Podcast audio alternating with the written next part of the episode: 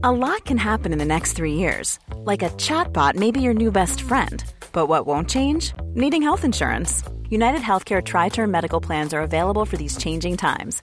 Underwritten by Golden Rule Insurance Company, they offer budget friendly, flexible coverage for people who are in between jobs or missed open enrollment. The plans last nearly three years in some states, with access to a nationwide network of doctors and hospitals. So, for whatever tomorrow brings, United Healthcare Tri Term Medical Plans may be for you. Learn more at uh1.com. It's that time of the year. Your vacation is coming up. You can already hear the beach waves, feel the warm breeze, relax, and think about work. You really, really want it all to work out while you're away. Monday.com gives you and the team that peace of mind. When all work is on one platform and everyone's in sync, things just flow wherever you are. Tap the banner to go to Monday.com.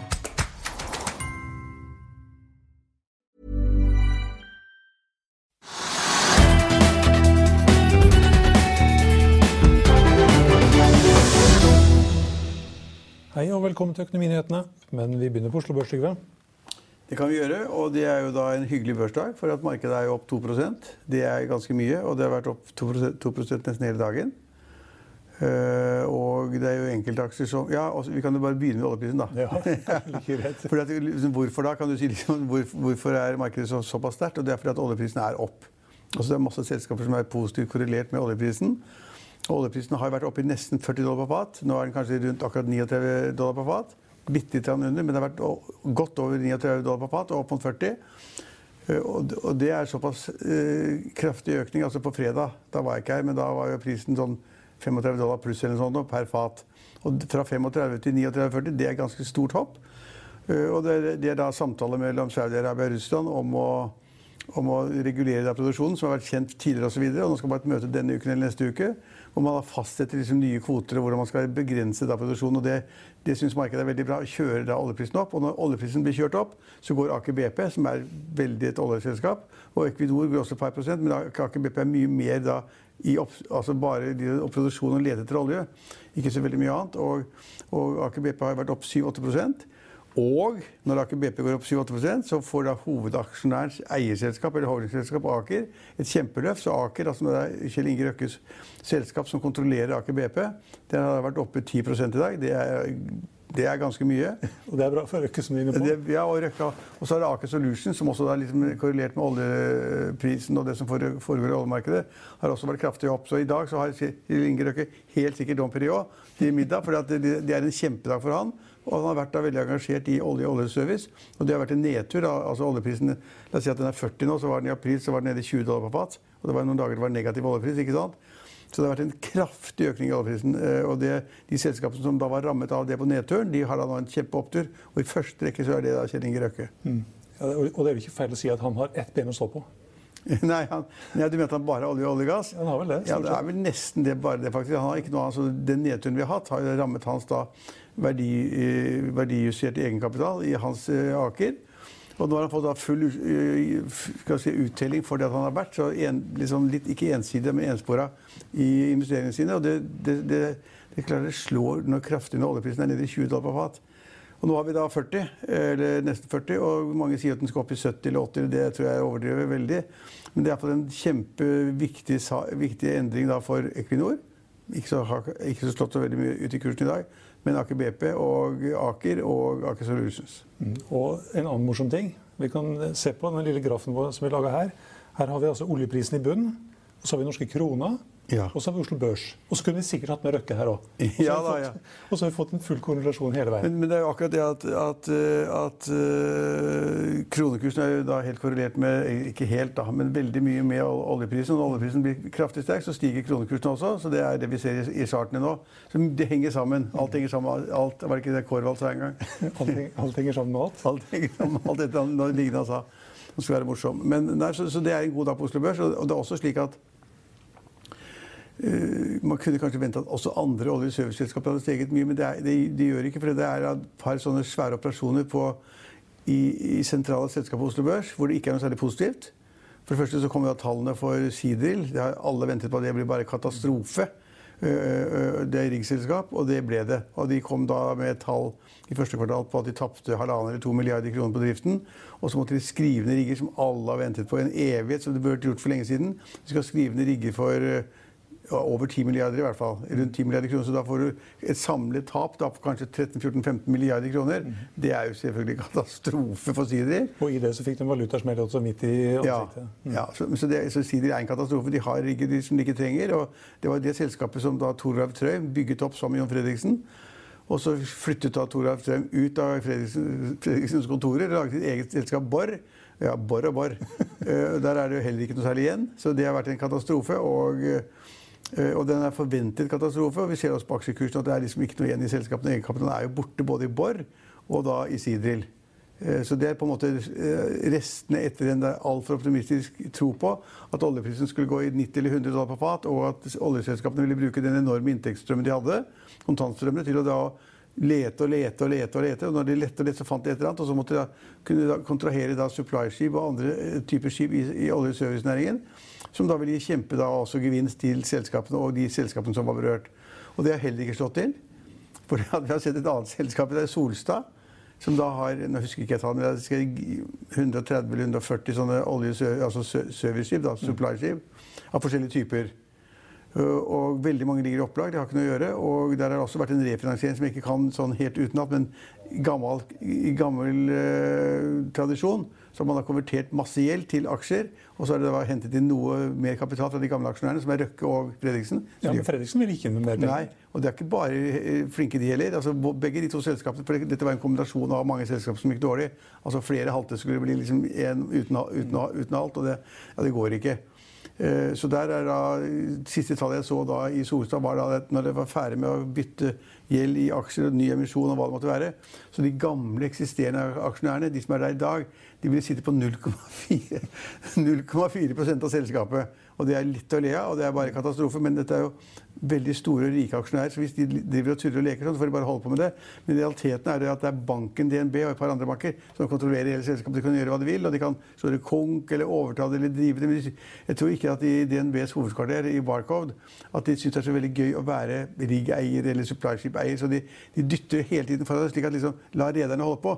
Men her er det jo store redere som har mistet totalt, så de burde ikke få holde på. Altså Alt sammen burde vært nedlagt eller restrukturert, og noen burde overtatt det til en billig penge og gitt det bort til noen andre igjen. Slik at de som da har vært med på fadesen hele veien, og som sitter, sitter stille uten å si et ord, i dette tilfellet Røkke og Fredriksen, det er bare tull alt sammen. Og det, dette har vært sagt lenge, ikke bare av meg, men altså jeg har etterlyst av egenkapitalen i selskapene for at gjelden har vært altfor høy. Og så har de da ikke nedskrevet av verdien av riggene og de andre supply som så mye som de måtte gjøre. Og når de først gjør det, så ser det helt jævlig ut det er tragedie på tragedie. Og det var egentlig ja. litt det samme som skjedde da det Farstad gikk inn i Solstad. Ja. De gamle aksjonærene i Farstad, Farstad var jo, Kursen gikk jo sånn i Farstad, mm. og så var det bare sang, eh, så var det ikke noe igjen. Og så ble det Farstad inn i det, så ble det Solstad, så ble det selskapene til Fredriksen og Røkke. Så jeg syns at dette, dette, er en varslet katastrofe. Ingen er overrasket. Alle har sett tallene komme. Så lurer man kanskje da på liksom, hvordan blir det in the end. Men altså da meldingen kom da om at eksisterende aksjonærene i Solstad skulle få 0,4% av det gamle av selskapet, så skjønner man jo tegningen. Bør ikke være veldig god for det. Siden vi er inne på sånn og sånn, da. Det er vel Norwegian også? Ja, Norwegian er det samme turen på en måte. da, mm. uh, Hvor man også da har hatt en kjempeoppgang. Kunne vært bra, kunne kanskje vært solgt, jeg vet ikke. På et tidligere tidspunkt, og med gevinst til alle aksjonærene. Og så har det da begynt å gå dårlig, så begynte de å tape penger, og så var gjelden for stor. Det vet jo alle, husker ikke hva gjelden var, var det ikke 59 milliarder kroner eller noe sånt? Og så falt det, falt det, falt det, og så konverterte man til slutt da all, all gjelden i aksjer osv. Ja, det ble jo ikke all, men en del av det. ja, ja, ja, noe av det. Og, og, og, og så fikk de redningspakke fra staten, også viktig, 3 milliarder kroner. Men kursen er nå 3-4 kroner. Eh, og det er, faller 11 i dag. Ja, faller 10% og det er sannsynligvis altfor høyt. 3-4 kroner. Den skal ned på 1 kroner og 50 øre. For at Norwegian kommer til å trenge mer penger. Når de henter mer penger, så skal de da aksjene selges inn i markedet, og da synker da eierandelen til de som aksjonerer i dag, enda mer. Mm. Så det er altså krise, det er et godt eksempel på det samme. Hvor man har hatt altfor mye gjeld, konverterer gjeld til egenkapital, får inn ny kapital. Og de gamle aksjonærene skvises helt ut. Og det tar lang tid før de gamle aksjonærene innrømmer det. De går og tenker er det mulig en eller annen løsning kan finnes. Kommer en kjøper? Er det et oppkjøp? Men det kommer veldig sjelden. Og da vi setter på samme måte i Norwegian. Ja, og Hvis man absolutt skal være i den aksjen, så er det kanskje bedre å være short enn å være long? Ja, jeg nesten tror det. Ja.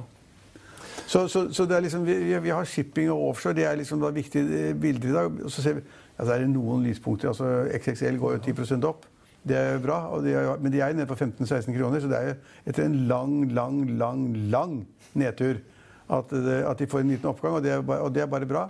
Men så så jeg en annen melding som ikke har noe med børsnoterte selskaper å gjøre, men Dressmann-kjeden, som er så veldig flinke i Norge, har uh, Dressmann og Big Bock og ja, hva heter det? Jeg, jeg, jeg handler ikke i kjedene.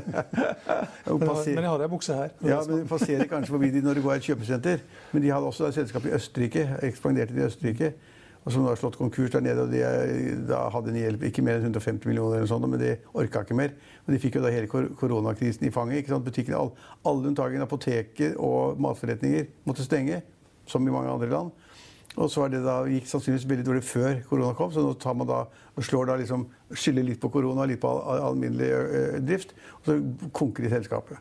Og De har også konket et annet selskap i et annet land tidligere. slik at de, de har hatt, vært på en sånn utenlandsekspansjon som har gått veldig dårlig. Og Det er mange selskaper som gjør, og det har litt med XXL å gjøre også. At man skulle bli så store i Skandinavia, så i Europa, Tyskland og Østerrike. Bare glem det. Eh, vi var så vidt innom shipping. Vi må ta litt, shipping, eh, litt mer shipping. Eh, og det er Fearnley Securities. De har nedgradert en rekke tankaksjer. Ja. Vi kan ta en liten titt. Ja, de er veldig negative til tank. Det er helt riktig. Det er vi også på mange måter. men... Vi har tatt en, tatt en liten, laget en liten kjapp oversikt over det her. Det er Frontline Hunter, Okeanis, Euronav, DHT og Hafnia. Og de tar ned anbefalingen på alle. ja, vi har vel kursmålet her òg, som stort sett i forhold til det forrige kursmålet i hvert fall er sånn rundt halvering og litt mer enn det. Eh, det kan man lese mer om på hegner.no. Unnskyld, ikke hegner.no, det var før. men Finansavisen ennå. Finansavisen, Finansavisen, Finansavisen. sånn, sånn, kan det gå. Eh, et, et, et annet innenfor shipping. Qatar. De skal ja. bygge LNG-flåte. Ja, 100 skip. Ja, men ok. Ja, det, det, er liksom utenfor min, min De tar liksom hele kapasiteten til sørkoreanske verft i sju-åtte ja. år fremover. Det er sikkert noen opsjoner og er sikkert noen forbehold der også. Det er jo alltid, den type kontrakter. Men det virket jo helt enormt, da. Men de, har, men de har en kjempe-LG-produksjon, så de skal jo bli kvitt det og selge det rundt om i verden. Men altså, altså, apropos Finansavisen, vi er, prøver å være spesialister i shipping. så vi er hver dag, Det er jo, det er jo én, to, eller tre, eller fire, fem alvorlige shippinghistorier hver dag nå. Mm. For de har vært igjennom en lang krise, så er det ny kapital, så er det nye eiere. Det er altså tvers igjennom i alle sektorer. Og den siste meldingen jeg så på, det var det som vi har snakket litt om her, at liksom containerfarten går også dårlig. Selvfølgelig går, Det er jo opplagt. Det fraktes jo nesten ingenting i verden. Og den frakten som er mellom altså Asia, Europa og hva det måtte være Amerika, går jo ofte i containere. Og de containerne er sikkert halvfulle. Og det er ikke noe i det, fordi verdenshandelen går ned. Alle ser at den går ned. Det tar lang tid før den tar opp igjen.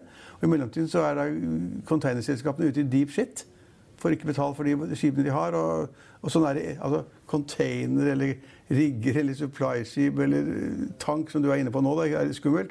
Så det er skummelt nesten alle segmentene i skipsfart. Og man trodde i mange år at biltransport ah, det var tingen. vet du. Dummingene skulle i tørrlast, som var dårlig. De skulle i tank, som var dårlig. De skulle i supply, de skulle i oljerigger. De var dumme, de. Eh, men, men også kunne man da, men biler skal folk ha. Skal jeg alltid kjøpe Toyota, Mazda og frakte da Ford og Mercedes til Østen. Og innimellom skulle jeg også da frakte tunge sånn landbruksmaskiner. Good business. Halvparten av business er borte. Skipene går i opplag. Kommer tilbake. Ja, det får vi håpe på. ja, det var vel um det meste av det som var interessant på børsene. Så ja. Vi snakka så vidt om eh, USA innledningsvis her. Vet du hva som er vinnerbransjen i USA om dagen? Ja, det er jo flere som går bra. Ja. Men våpen Amerikanere kjøper våpen som aldri før. Ja, det er ikke bra i det hele tatt. 80 opp i mai i forhold til i fjor. Før jeg, før jeg, går fra studio, bare, du, er det noe annet å snakke om? Det er ikke så veldig mye å snakke om, men da det kom jo da priser for Obos-leiligheter. og der var Obos-Prisene oppe i Oslo rundt 1,1 uh, og så er det litt i underkant av 2% på landsbasis. Og det er mer enn mange har forventet. Så boligprisene holder seg bedre enn man kunne frykte. Men det er da rekordlav rente. Mm. 4 siste året. Ja. Ja, I Finansavisen i morgen så kan du lese Trygve Wingdals leder om politidrapet i USA, om den sterke oljeprisoppgangen og at feriepengene bør avskaffes. Husk også at du kan høre våre børskommentarer og gjesteintervjuer i vår podkast, så den finner du på finansavisen.no. slash podkast. Det var det vi hadde for i dag, men vi er tilbake igjen i morgen klokken 10 og klokken 15.30. Følg med oss igjen da.